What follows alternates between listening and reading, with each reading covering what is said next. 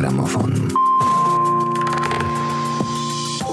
Dzień dobry Państwu, witam w najnowszym odcinku Nowego Gramofonu. Mm, ze mną w studiu jest pani profesor Gabriela Matuszek-Stec z Uniwersytetu Jagiellońskiego.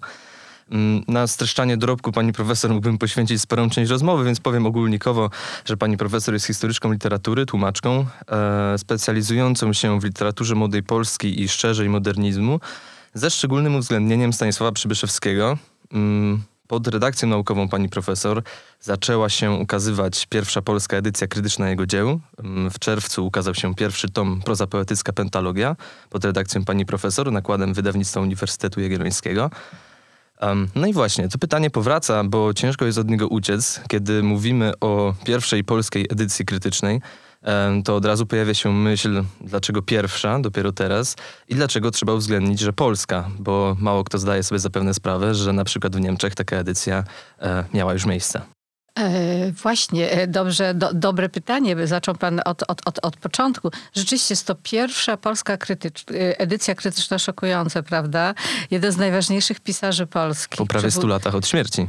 Tak, przywódca polskiego modernizmu dopiero teraz będzie wydawany. Y, takie postulaty już od lat 70. się pojawiają. Już Tomasz Burek mm, zgłaszał konieczność że udostępnienia dzieł Przybyszewskiego. Nie udało się zrealizować. Może tak na początku jakby wydawnictwa nie były zainteresowane. Potem trzeba było zmontować, przepraszam za określenie, odpowiedni zespół, który by się podjął tego jednak potężnego y, zadania.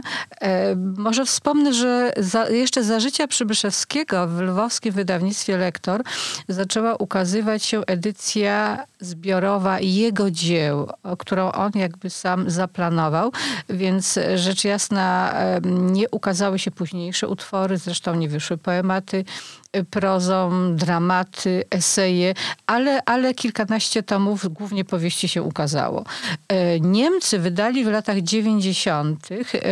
XX wieku, czyli już właściwie 30 lat temu, prawda, trzy dekady temu, zbiorowe wydanie dzieł Przybyszewskiego, które ukazało się w języku niemieckim. Ono liczy 8 tomów.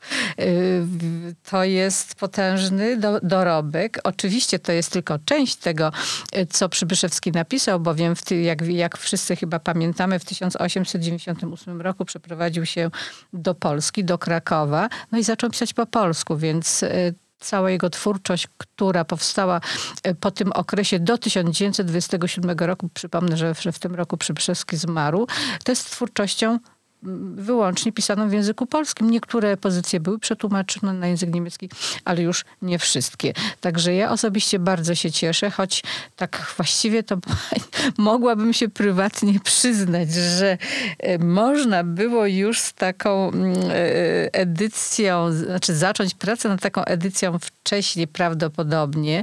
Ja oczywiście bardzo bałam się podjęcia tego przedsięwzięcia, ponieważ mam doświadczenie edytorskie, co prawda tylko zredagowałam dwie książki, ale miałam świadomość, że to jest po prostu potężna praca i wymaga odpowiedniego zespołu osób, które po pierwsze będą znawcami twórczości Przybyszewskiego, a po drugie, które będą miały pewne umiejętności edytorskie. E, I taki zespół udało się stworzyć. Zresztą Państwo mnie po prostu namówili, żebyśmy tego zadania, żebyśmy spróbowali y, podjąć się tego zadania. Oczywiście podjąć się. Złożyliśmy wniosek do Narodowego Programu Rozwoju Humanistyki, bo bez dotacji ministerialnych byłoby to absolutnie niemożliwe i, i, i należy się tylko cieszyć, że w 2018 roku nasz wniosek wygrał. Otrzymaliśmy dotację, otrzymujemy ją nadal i dzięki temu realizujemy ten wielki, chyba ważny plan.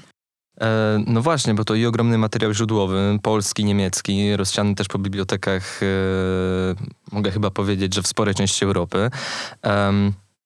Chciałaby pani profesor opowiedzieć trochę więcej o tej pracy, o jakichś niespodziankach z, z nią związanych też? A, a chętnie.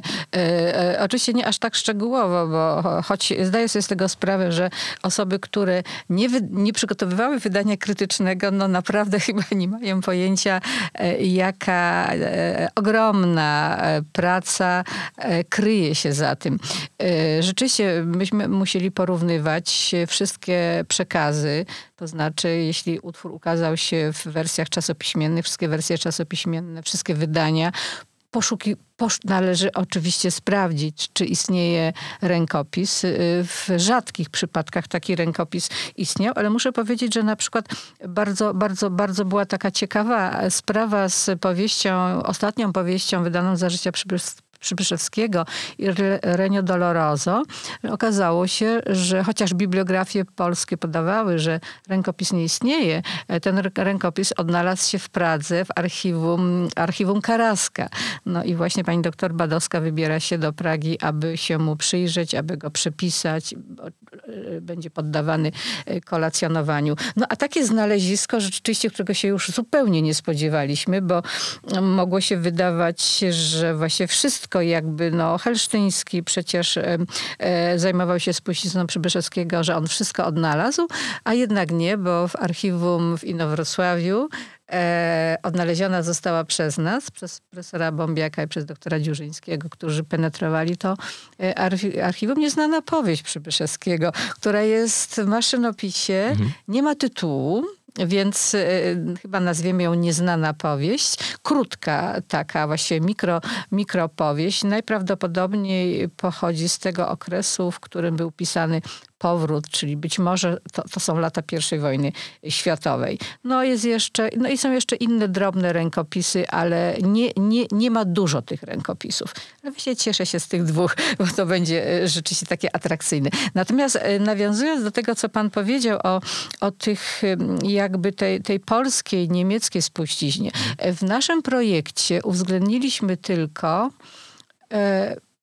polskie teksty, ale w trakcie pracy nad, nad moim tomem, pierwszym tomem, który zawiera pięć, pięć e, utworów nazwanych prozą poetycką Pentalogia, chociaż Przybyszewski w Berlinie pisał o Pentateuchu.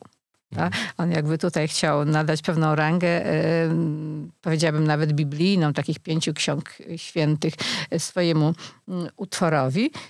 I, I wtedy jakby uświadomiłam sobie, że jednak e, należałoby podjąć się tego szalenie trudnego zadania i, i w takiej formie maksimum on jest nie do osiągnięcia. To znaczy skonfrontować teksty polskie z niemieckimi pierwodrukami. Nie można zrobić, mm, to znaczy nie podjęlibyśmy się tego, bo to by przekraczało jakby zakres tych prac, bo, bo taka edycja byłaby przecież nie, nie, niezwykle obszerna. E, natomiast zwrócić uwagę na te fragmenty, które znacząco się różnią, podać je w języku niemieckim i przetłumaczyć je na język polski specjalistów. Mhm. No z drugiej strony, tak jak pani profesor mówi, to porównanie też e, pozwala czasem e, dostrzec pewne przemiany takie właśnie w, w ogóle w strukturze znaczeniowej też działa. Ale zanim do tego przejdziemy, może faktycznie też należałoby przybliżyć słuchaczom trochę ten kontekst dwujęzyczności Przybyszewskiego. Właśnie tak jak pani profesor powiedziała, skąd, e, skąd to się w ogóle wzięło. Y, I kontekst, i jakby podkreślić, ja bym tutaj chciała bardzo podkreślić, że Przybyszewski jest jednym z nielicznych polskich twórców, który y, znalazł sobie miejsce w historii literatury europejskiej i w historii literatury niemieckiej. Naprawdę niewielu mamy takich artystów, więc możemy też tutaj zadać pytanie, e, dlaczego e, y, nie, ten, ten aspekt jego życia i twórczości nie został doceniony. To jest bardzo złożona sprawa. Natomiast wydaje mi się, że e, w tej chwili to, to, to, to zaczyna się zmieniać i, i jakby świadomość tego, że jest to pisarz o, o zasięgu europejskim, już y, dociera do większej liczby odbiorców. No, dlaczego tak się stało? Przybyszewski nie był Niemcem, prawda? Przybyszewski pochodził z zaboru pruskiego, z małej wioski Łojewo na Kujawach. Jego ojciec był nauczycielem w szkole powszechnej. No i jak każdy niestety no, uczeń y, y, tego zaboru, już później musiał chodzić do liceum, przepraszam, do gimnazjum niemieckiego, czyli zaczął się niemieckiego uczyć dopiero w gimnazjum. Chodził do gimnazjum w Toruniu, w Wągrowcu. W Wągrowcu zdał maturę po niemiecku, no bo in, in, nie było innej możliwości. No i tak to było, że w tamtych czasach młodzi ludzie z zaboru pruskiego no wyjeżdżali na studia do Niemiec, prawda? No bo to i, i, i Berlin był tym najbardziej atrakcyjnym i najbliższym Kujawym miejscem, więc Przybyszewski podjął studia w Berlinie. Um, najpierw na architekturze krótko, a potem na medycynę. Studiów zresztą nie ukończył, ale zaczęła się takiego edukacja w języku niemieckim, wielkich dzieł filozoficznych, utworów literackich, aczkolwiek już, już w gimnazjum bardzo dużo czytał. Opanował ten język i będąc na studiach, naprawdę bardzo młodym człowiekiem, bo przyjechał w 89 roku po maturze, a w 91 E, zaczął pisać pierwszy esej z psychologii jednostki twórczej Chopin i Nietzsche, który od razu został zauważany. Młody Polak, prawda, na trzecim roku studiów. Mm. I opublikowany. Potem przychodzi drugi esej Ola Hansson. Potem w 1993 roku debiut literacki Totenmesse, czyli po polsku wydana później Requiem Eternam i zaczyna istnieć jako, jako twórca e, niemieckojęzyczny. I taki twórca który wzbudza naprawdę spore zainteresowanie, no nie chcę powiedzieć wielkie, ale momentami tak było w środowisku niemieckojęzycznym, austriackim. On jakby składniowo troszeczkę odbiega od, od języka niemieckiego, bo wiadomo, prawda, Słowianin Polak, ale również podobnie pisał Fryderyk Nietzsche, który y, pewnie y, pan wie, czy, czy państwo wiedzą, że mówił, że pochodzi z polskiego pokolenia szlacheckiego Nieckich, prawda? Co potem okazało się nieprawdą. Nie miał korzeni, nie miał korzeni polskich, ale się do nich przyznawał, więc, więc ten język y, Przybyszewskiego też wzbudzał duże zainteresowanie. I jeżeli mogę tutaj jeszcze powiedzieć o, o jakby o specyfice tych utworów niemieckojęzycznych, bo to widać, jak się czyta po polsku i po niemiecku, to tam e, one są jakby inne, inne e, e, łańcuchy metafor się pojawiają. Jest bardzo nasycony terminami naukowymi. No, studiował medycynę, on w ogóle kochał jakby tę wiedzę. Zresztą parę odkryć też również poczynił. I, I to są takie właśnie teksty naukowe. Z jednej strony ta przestrzeń mistyczna, z drugiej strony przestrzeń naukowa i oczywiście jeszcze słownictwo, powiedziałabym, katolickie, chrześcijańskie.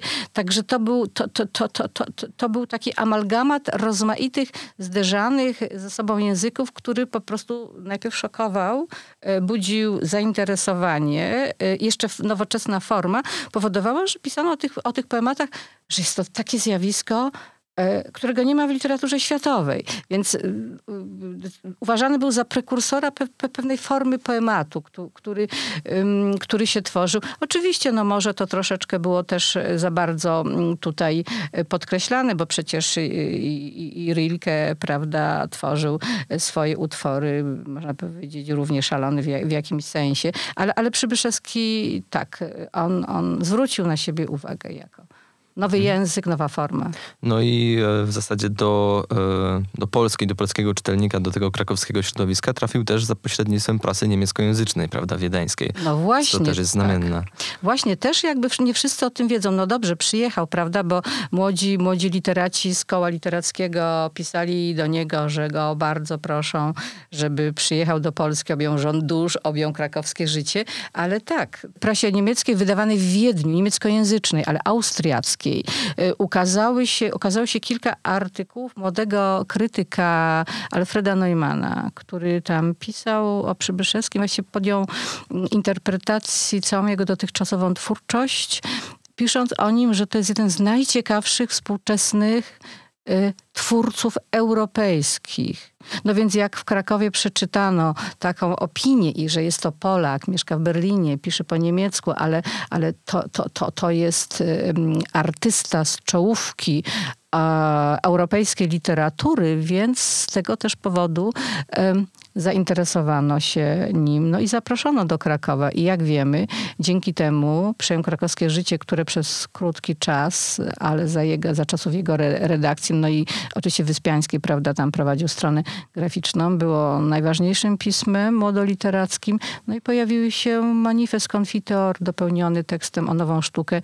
Naj, jeden z najważniejszych, y, właściwie najważniejszych chyba bym tak powiedziała, manifestów literackich tego pokolenia. Właśnie od niego się zaczyna rewolucja literacka, co też powiedział Iżykowski, prawda? Od Przybyszewskiego zaczyna się w Polsce rewolucja literacka. No i ta nowoczesność i e, europejskość Przybyszewskiego wzbudziła podziw, natomiast ta jego relacja z polskością, i mam też na myśli tutaj recepcję nawet pośmiertną, późniejszą, pozostała trudna, również ze względu na ten, no właśnie, czy można go nazwać mitem, ale nazwę go na potrzeby dyskusji mitu, um, mit satanisty, demoralizatora, e, oczywiście od tych takich kontrowersyjnych, prowokacyjnych, obrazoburczych aspektów e, literatury Przybyszewskiego, no jakby też nie sposób, nie sposób uciec. Z drugiej strony y, domyślam się niejako również ze wstępu pani profesor do tej książki, że jednym z aspektów podejmowanych też w pracy nad, tą, e, w pracy nad tym wydaniem, takiej pracy krytycznej, interpretacyjnej, ale również historycznej, jest y, trochę odczarowanie tego mitu, prawda? Pokazanie też y, takiej znacznie mniej znanej, bo też y, takie aspekty działalności późniejszej, powojennej, na przykład patriotycznej e, Przybyszewskiego są dużo mniej też nośne niż, niż prawda, satanistyczne orgie, z których gdzieś tam zasłyną, które mogą ale nie muszą być prawdą. Bardzo ważne jest to pytanie, czy też ta, ta, ta konstatacja, którą pan teraz przedstawił. E, tak, Przybyszewski, no Przybyszewski funkcjonował jako ten smutny szatan, dykador, dekadent, człowiek, e, w którego środowisku popełniano samobójstwa. Rzeczywiście trochę tych śmierci było, prawda? Było, było tych śmierci, no e, śmierć Stanisława Brzozowskiego, 24-letniego poetu, który jeszcze nie wydał tomiku poetyckiego, prawda, który się zastrzelił e, w, w, w, w mieszkaniu przylegającym do, do warszawskiej Chimery. Zabicie przez Emeryka Dagny na Kaukazie, w Tyflisie, obecnym Tbilisi, zastrzelenie siebie. Sporo to było. Była taka atmosfera rzeczywiście śmierci, ale ta atmosfera samobójstw śmierci była chyba związana z pewną aurą epoki, zwłaszcza lat 90. Czy Przybyszewski to prowokował? No podejrzano go, podejrzewano go jakieś czarne msze. Oczywiście to wszystko e, była, była nieprawda. E, natomiast już te wątki narodowe, to może też dla niektórych e, którzy, czytelników, którzy jakby znają Przybyszewskiego tylko e, z pewnych mitów i klisz, jest kompletnie nieznane. Przecież one się pojawiają od pierwszych utworów. On cały czas pisze o ziemi rodzinnej, ziemi kujawskiej. On pisze, że to ziemia tworzy artystę.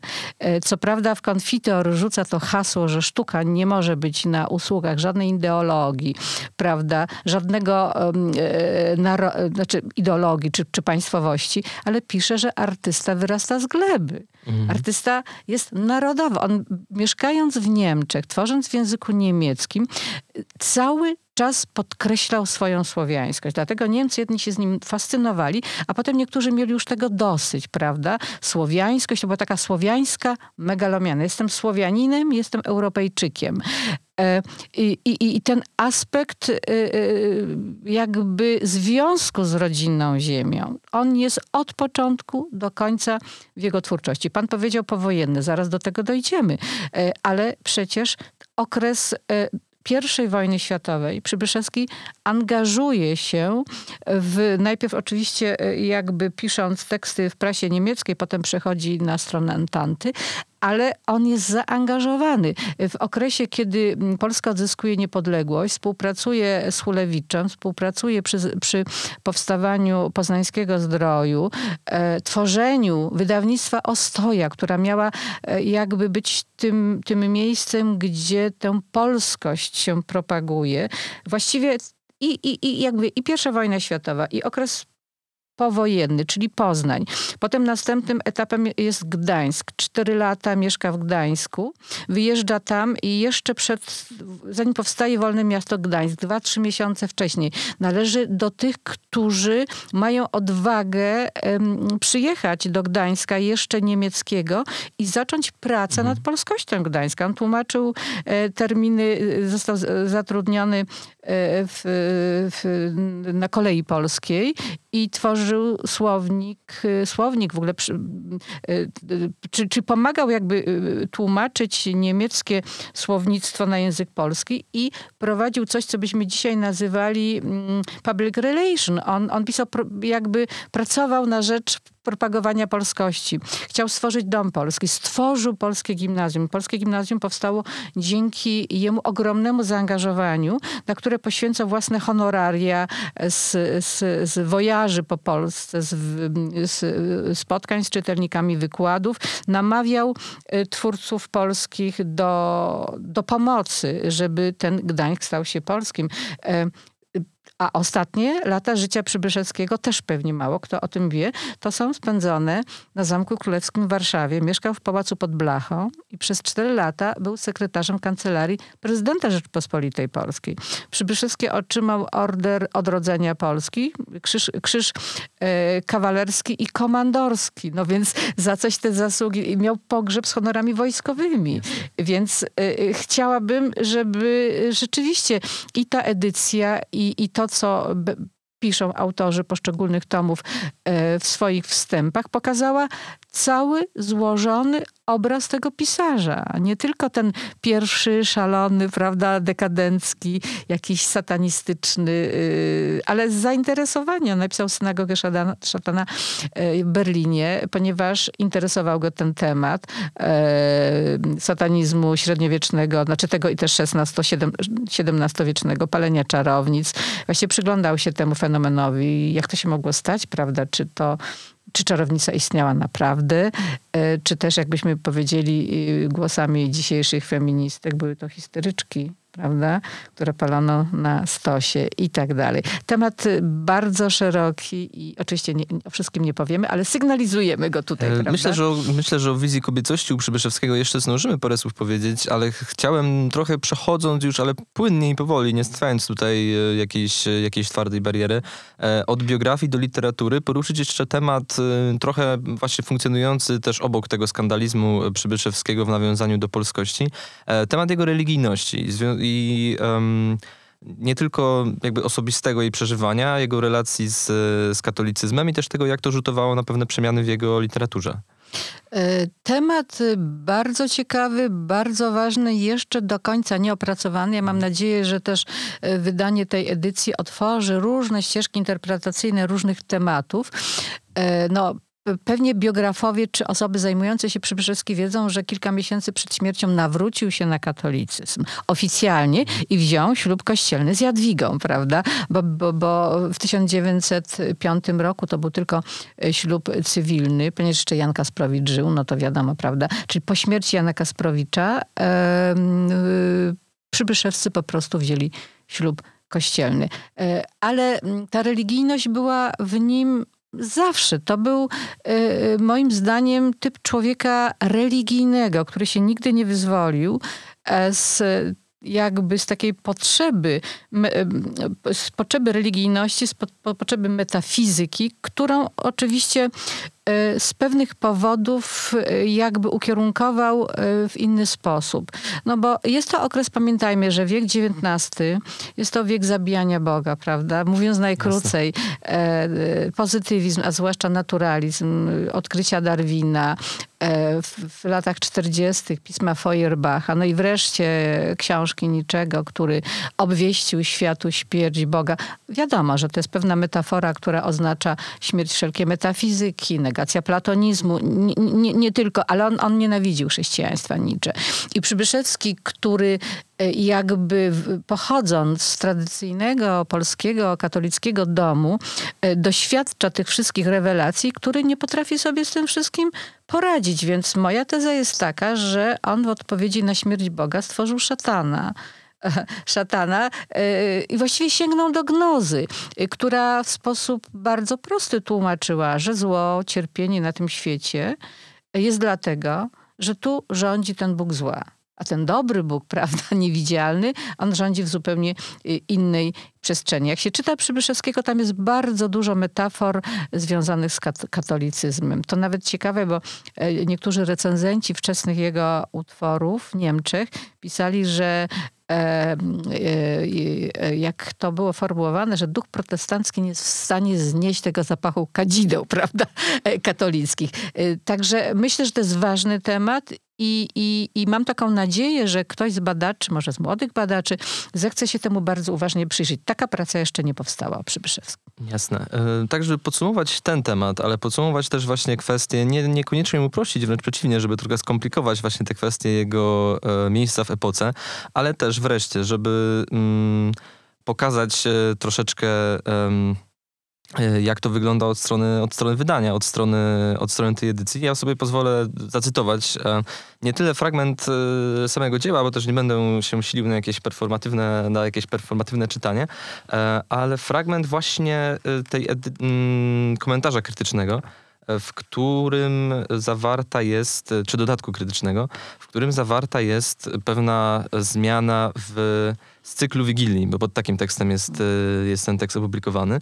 Um, tutaj są też, e, to mówię dla, e, dla słuchaczy, tutaj są też oryginały niemieckie oczywiście zawarte. Ja oszczędzę sobie wstydu i językowi niemieckiemu krzywdy i e, przeczytam tylko te krótkie, e, krótkie wersje polskojęzyczne. Mm, na początku rozdziału szóstego dodano w drugim wydaniu. Mm, O Jeruzalem, Jeruzalem, nowy Syjonie szczęścia, przyjdź królestwo Twoje – oraz, i to przede wszystkim o to mi chodziło, e, w rozdziale ósmym, w drugim wydaniu, zastąpiono innym fragmentem następujący obszerny fragment pierwodruku. Tutaj istotnie ma miejsce jakby obszerny fragment, w którym też pojawia się i symbolika krzyża, i taki chrystologiczny, e, chrystologiczna metafora, ale pojawia się w takim bardziej obrazoburczym, myślę, że się pani profesor ze mną zgodzi, świętokradczym e, charakterze. E, natomiast zostaje w drugim wydaniu zastąpiona fragmentem, tu już cytuję, krótszym i o innym ładunku treściowym. Z ołtarza patrzy na mnie ukrzyżowany bolesnymi oczyma. Dopomóż mi, rabi. Wokół zaległa straszna cisza, a jego oczy żarzyły się jak dwa płonące, pękające słońca na dnie mego serca, już zagasłe, ale nagle buchające potokiem światła w ciemną noc i słaby blask cudownie łagodnego głosu Synu mój, synu mój.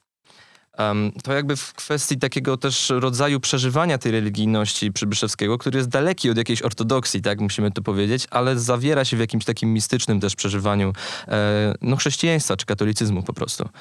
Świetny przykład, ale na przykład w Dzieciach, Dzieciach Nędzy, e, jednej z najciekawszych powieści Przybyszewskiego, e, są takie fragmenty, w których, znaczy właściwie można powiedzieć, włączone jakby zostaje w tę powieść proza poetycka, gdzie bohater wchodzi w rolę z archetekstu biblijnego. Mhm. Kaina i Abla, Jezusa, którego mają pojmać i E, ma on doświadczyć drogi krzyżowej.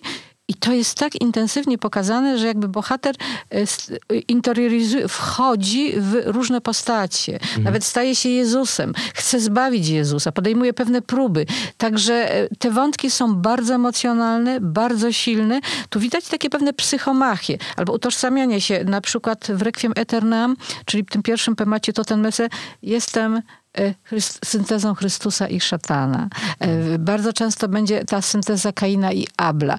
Zresztą transformacje mitów biblijnych. E, to tak tylko może jeden przykład. Przybyszewski interpretuje zabójstwo Abla przez Kaina mhm. jako zazdrość o kobietę, jakby chęć e, tego, żeby posiąść jego żonę. E, e, to są różne reinterpretacje, zresztą nie tylko Przybyszewski, cała epoka przecież wtedy sięgała do rezerwuaru, e, bardzo mocno sięgała e, przekazów biblijnych, interpretowała je, czy chociażby postać przecież Judasza w literaturze modernistycznej jest e, interpretowana na, na, na wiele sposobów, ale silne, mocne, emocjonalne wątki, właściwie to dobrze, że pan przeczytał ten fragment, bo on uzmysławia, prawda? Natomiast wigilie kończą się wersji e, niemieckiej zupełnie inaczej one kończą się właśnie tym, że bohater mówi, że jest Kainem, jest Ablem. Najpierw mówi bracie mój, jakby jesteśmy jednością. Po polsku zupełnie to zostało jakby usunięte. Tam jest tylko to, że bohater odchodzi ze swoim małym synkiem. Natomiast po, w wersji niemieckiej on jest i Kainem, i Ablem, i, i, i bratem, i jakby syntezą e, tego, e, wszystko to wymaga interpretacji nowego odczytania. Bar bardzo sobie- bogaty. Pozwoliłem sobie zacytować też ze względu na to, żeby pokazać, jak, e, jak taka edycja krytyczna pozwala pewne tego rodzaju przemiany śledzić i jak e, no, komplikuje, ale w taki twórczy, w taki, taki też i badawczo, i czytelniczo interesujący sposób komplikuje pewne takie klisze interpretacyjne, e, którymi zwłaszcza w przypadku Przybyszewskiego często się, często się posługujemy. Ale powiedziała pani profesor o, o epoce, że była przesiągnięta śmiercią, była też przesiągnięta niewątpliwie nie tylko śmiercią Boga, też osobistymi dramatami, jakimiś takimi bardzo silnymi emocjami podszyta. E, I Przybyszewski, e, ciężko powiedzieć, e, żeby, żeby te emocje, żeby... Mm, żeby te przeżycia jakoś prowokował, ale na pewno był takim silnym trochę barometrem tego, co się dzieje dookoła. Bardzo silnie też przenikały przez niego i później uzewnętrzniały się w jego twórczości właśnie takie napięcia charakterystyczne dla tej od razu przewidzianej przez niego bardzo wcześnie, bo mówimy tutaj, prawda, o początkach, jeśli nie w ogóle o pewnym prekursorstwie względem modernizmu, e, a już ta ciemna strona modernizmu zwłaszcza została przez niego w szczególny sposób przeczuta i, i przedstawiona. Na, może nie na długo przed, ale przed Freudem, e, przed późniejszymi pracami. Mm, Tak, tak, to, to bardzo dobre określenie, taki czuły barometr czasów. On zresztą też tak pisał o artyście, ale też od razu dodajmy artysta ne- neurotyczny, czyli ten, y, którego świadomość nie jest scalona, tylko ona jakby funkcjonuje fragmentarycznie, który nie potrafi scalić siebie, ale odbiera e, ze świata to, co jest bardzo ważne, ale bohater Przybyszewskiego odbiera to, co jest ukryte. Dlaczego dla mnie na przykład jest on szalenie interesujący? Nawet kiedy użyłam takiego określenia, że nie jest, wybit, nie jest wybitnym pisarzem, ale wybitnie interesujący. Dlatego, że chyba w sposób najpełniejszy obnaża ukryte symptomy swojej epoki i kierunki, w którym ona dąży. Czyli właściwie te, te, te ciemne, te przerażające, e, te, te, te kierunki, które, e, no tak jak to jest chociażby w tych dzieciach nędzy, tam jest pokazany rodzina jako, jako taka mm, symbol świata, albo nawet w ogóle rodu ludzkiego, tego wygnanego z raju z powodu e, grzechu, który popełnili Adam i Ewa i która zmierza w kierunku unicestwienia. Więc jakby przeczuwał, przeczuwał taki kierunek, e, e, w którym będzie zmierzał świat. No nie wiem, nie będziemy w tym momencie mówić, mylił się czy się nie mylił, prawda? Bo, bo zobaczymy, co nam dos, jakby jeszcze dostarczy dzisiejsza nasza rzeczywistość, ale tamta rzeczywistość, tylko najpierw do, doświadczenie pierwszej, potem drugiej wojny światowej. Więc niektórzy artyści to wyczuwali.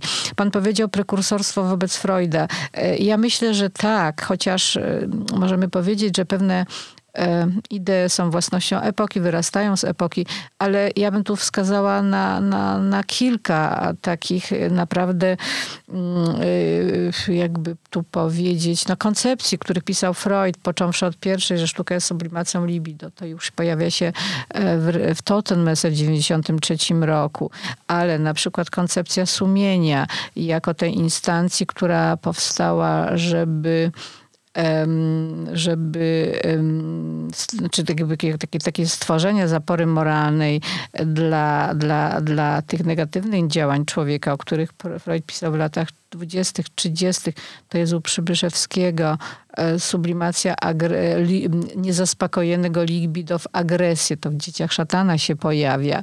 Ja bym nawet powiedziała, że te koncepcje sztuki, sztuki wizyjnej i realistycznej, chociażby w artykule o nową sztukę znanym tutaj y, w Polsce, y, czy też we wcześniejszych niemieckich esejach to się też pojawia, gdzie on mówi o sztuce nowej sztuce dawnej, ale tej sztuce wizyjnej i sztuce realistycznej. A ta sztuka wizyjna to właściwie to jest taką sztuką, która podobnie jest przedstawiana jak to, czym będzie pisał e, Carl Gustav Jung, prawda? Czyli ta, którą e, u Junga ożywiana jest przez pratreści, archetypy. E, Bardzo upraszczając koncepcję Junga, przy, przy, przypomnę, że artysta to jest takie medium, przez które no, przepływają treści znajdujące się w tej przestrzeni em, nieświadomości zbiorowej. Przybyszewski tworząc w 94 roku, nie już przepraszam, 92, bo już eseju Ola Hanson, koncepcję indywidualności wskazuje na to źródło takie instynktowne, coś co byśmy nazwali później za Freudem e, nieświadomością zbiorową i stamtąd rodzi się sztuka. Także on jest, zresztą on jest mm, y, dość, nawet bym powiedziała, bardzo nowoczesny w pewnych swoich, swoich teoriach. Myślę, żeby nawet można było tutaj porównanie z Lakanem. Niewątpliwie to, to realne Laka, Lakana, prawda? I ta taka semiotyczna magma u Przybyszewskiego, zresztą Kristewa pisze w podobny sposób. Moglibyśmy po, tutaj, ja bardzo teraz tylko krótko pokazuję pewne kierunki, ale koncepcja metasłowa Przybyszewskiego, prawda? To, to jego przeświadczenie, że słowo i język zrodziły się z krzyku, czyli z emocji, mhm. prawda? Z instynktu. Przecież ona powra powracała później. Jeśli chodzi o inne takie pomysły, które mm, rozwijał później wiek XX na przykład, no, no, no to powiedzmy jego koncepcja powieści. On niestety nie opublikował wielka szkoda, tak jak opublikował roz, rozprawę o dramacie i scenie, nie opublikował rozprawy opowieści. Natomiast pisze o tym w, w liście do tego Alfreda Neumana.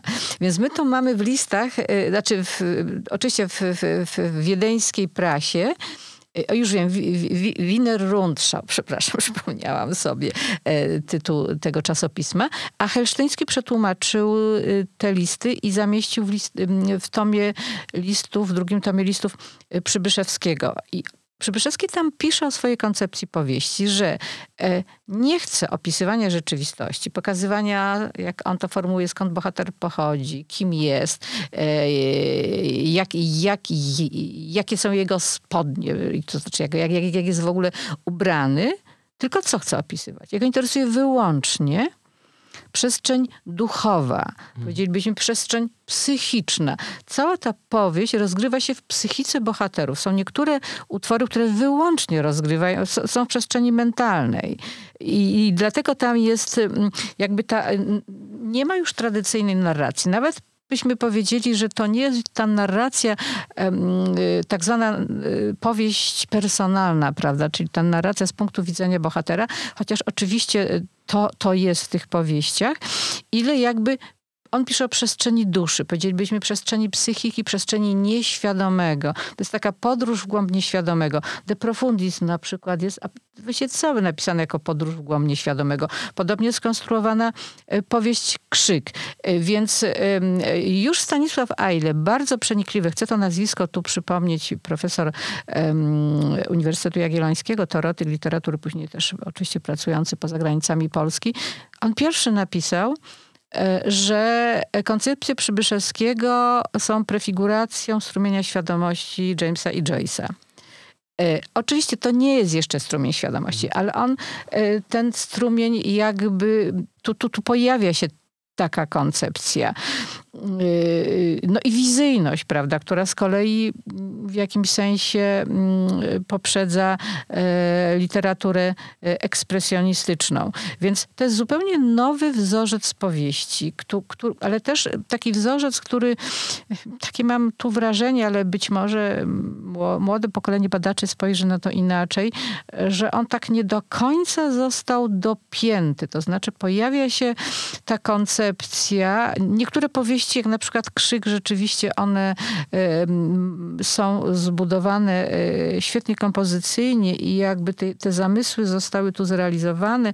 Niektóre być może się nieco rozsypują, ale, ale może się mylę, bo, bo e, to, to, temu by trzeba było się jeszcze raz bardzo uważnie przyjrzeć. Właściwie jestem przed e, wydaniem Dzieci Szatana i Mocnego Człowieka, więc dopiero będę nad tym pracować. Być może do jakichś wniosków dojdę i one będą zawarte we wstępach e, do tych, do tych tomów. Natomiast jeszcze inna przestrzeń. No, moglibyśmy powiedzieć, że w jakimś sensie, nie wiem, e, też są tam takie e, zapowiedzi sztuki psychodelicznej, prawda? O tym, że, że, że, że takie koncepcje, które potem podejmie New Age, to już o tym mówiono, to już badacze niemieccy dużo o tym pisali. Y, I ja się z tym zgodzę. Można by to tak odejmo, przepraszam, traktować. Czy nawet pewne takie sadomasochistyczne wątki może wyprzedzają mm, wiedeńskich akcjonistów lat 60. XX wieku. Oczywiście Przybyszewski nie jest tak brutalny, ale chociażby opisy torturowania czarownic w tej ostatniej powieści Lirenio Doloroso, chociaż one są oparte na źródłach, prawda? To nie jest żadna, e, żaden wymysł, fanta- e, koncepcja wymyślona, czy też treści, tylko on się opierał na źródłach. Także myślę, że tutaj by można było, jak będzie się bardzo uważnie interpretować tę twórczość, to wymaga dużo czasu i namysłu i uważnej lektury, to można odnaleźć wiele zapowiedzi sztuki XX wieku. W ogóle jeszcze, tak wracając do Freuda, no, wydaje mi się, że Przybyszewski pierwszy, może się mylę, ale przynajmniej tak, tak e, wynika z moich ustaleń, rozpoznał syndrom narcyza, który rodził się u, na początku wczesnej nowoczesności. O, narcy o narcyzmie Freud będzie pisał dużo później. E, czy yy, o, co jeszcze, jakie tutaj wątki? No, zmierzch męskości. Oczywiście Przybyszewski chyba nie miał zamiaru pisać o zmierzchu męskości, prawda, czy o mężczyźnie, tym mężczyźnie, który jakby traci fundament swo swojej tożsamości, ale on to pokazuje, bo jego mężczyźni są chorzy, słabi, e, narcystyczni, oscylują pomiędzy megalomanią, a właściwie taką mikromanią, przerażeniem życiem. E, tu nie ma silnego, patriarchalnego, prawdziwego mężczyznę w tej twórczości. A z drugiej kolei... strony rzutuje to też na specyficzny obraz kobiecości. Tak, ale to jest jakby osobny temat do zbadania. Kobiecość. E, szalenie ciekawy problem, bo ta kobiecość to tak w tych pierwszych utworach to ona jest e, takie traktowanie kobiecości z jednej strony mizoginistyczne, bo zwłaszcza w tym okresie, kiedy przyjaźni się ze Strindbergiem, kiedy, kiedy razem dyskutują w, w Berlinie 92-93 e, rok.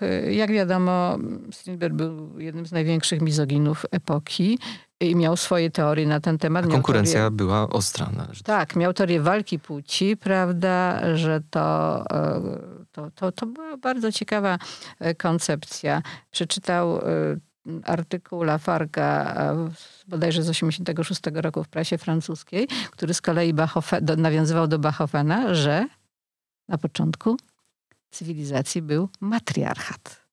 I w trakcie wielkiej e, walki płci e, zwyciężył patriarchat. No więc jeżeli tak było, no to przecież może być na odwrót. To znaczy kobiety mogą teraz przejąć władzę, co Strindberg obserwował, bo, bo, bo ruchy emancypacyjne, ubiór kobiet, kobiety zaczęły studiować, prawda, i tak dalej.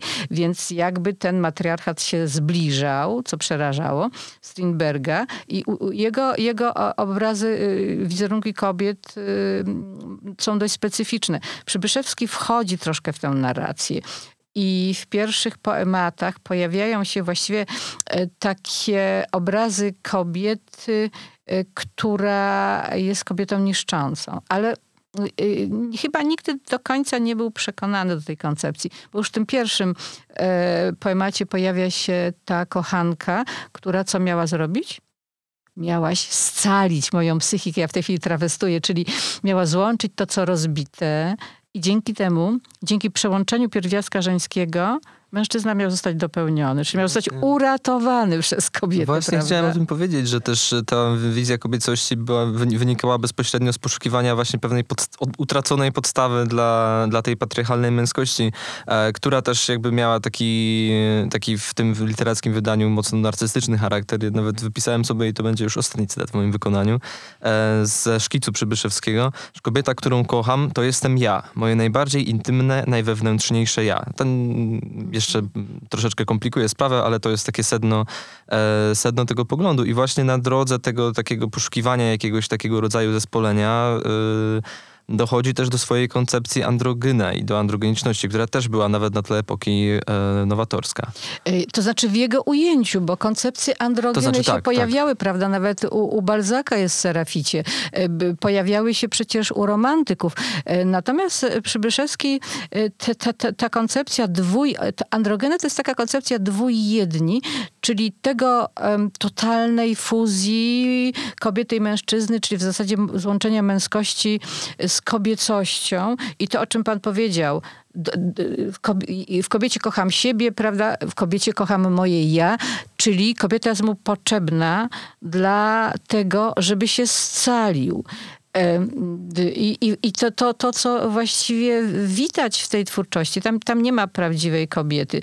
Do kobiety się ma pretensje, że nie jest taka, jaką by chciał widzieć ją mężczyzna. To rozczarowanie we wszystkich właściwie y, poematach jest albo rozczarowanie, albo ta ostatnia fuzja, czy to złączenie kobiety i mężczyzny, kochanków, y, dokonuje się właściwie w akcie śmierci, prawda? Czyli y, to przyłączenie następuje w akcie śmierci. Ale jeszcze o czym chciałam powiedzieć, właśnie, dlaczego ta koncepcja Przybyszewskiego jest troszeczkę inna od różnych koncepcji androgeniczności epoki, ponieważ u niego pojawiają się jakby, jakby ta, ta, ta fuzja rozgrywa się na dwóch przestrzeniach. Po pierwsze jest to przestrzeń duchowa i psychiczna. No to tak było, prawda, u romantyków, ta siostra e, i, i ta, ta kochanka, która, która dopełnia duszę. Natomiast u Przybyszewskiego, i to jest bardzo ważne, trudne i ciekawe, pojawia się jeszcze aspekt seksualny. Czyli pożądanie, czyli nie tylko, że mają się złączyć w, w tej duchowej przestrzeni, ale w przestrzeni cielesnej. Jasne, a to też rzecz charakterystyczna dla epoki. W ogóle wydaje mi się, że poruszyliśmy na tyle szerokie spektrum różnych wątków tej twórczości, że różnoracy czytelnicy i badacze mogą się czuć zainteresowani. E, pokazuje to też chyba po prostu, jak, jak bogata również w takie treści e, przewidziane czy przeczute względem epoki, ale też takie zupełnie oryginalne e, jest ta twórczość. E, I myślę, że pokazuje też, jak wiele i do takiego osobistego osobistego życia czytelniczego, jak to się czasem mówi, może wnieść e, lektura Przybyszewskiego, ale też jak wiele dla takiego naszego krajobrazu badawczego, dla badaczy zajmujących się najrozmaitszymi wątkami, e, może wnieść powstająca edycja. e, Na której kolejne części ja będę czekał, mam nadzieję, że nasi słuchacze również, a pani profesor serdecznie dziękuję za rozmowę. E, Bardzo dziękuję i już zapowiem, że już z druku niebawem wyjdzie tom trzeci, czyli Homo sapiens. E, Do druku złożone są dwa tomy dramatów. E, Złożona jest dylogia Ada, Dzieci Nędzy i Adam Dżazga i niebawem zostanie złożony Krzyk i utwory wojenne, bardzo ciekawe. No więc y, najbliższe miesiące, tak do wiosny, to powinien być kolejny, mm, no może y, użyję niezbyt ładnego określenia, wysyp tomów o Przybyszewskich. Zachęcam wszystkich Państwa do, do próby przynajmniej, y, nie wiem, przejrzenia, przeczytania fragmentów, a może, może zatem pójdzie, pójdzie już taka wnikliwa, poważna lektura. Bardzo dziękuję za tę rozmowę panu. Dziękuję bardzo. Program powstał w Instytucie Literatury w Krakowie.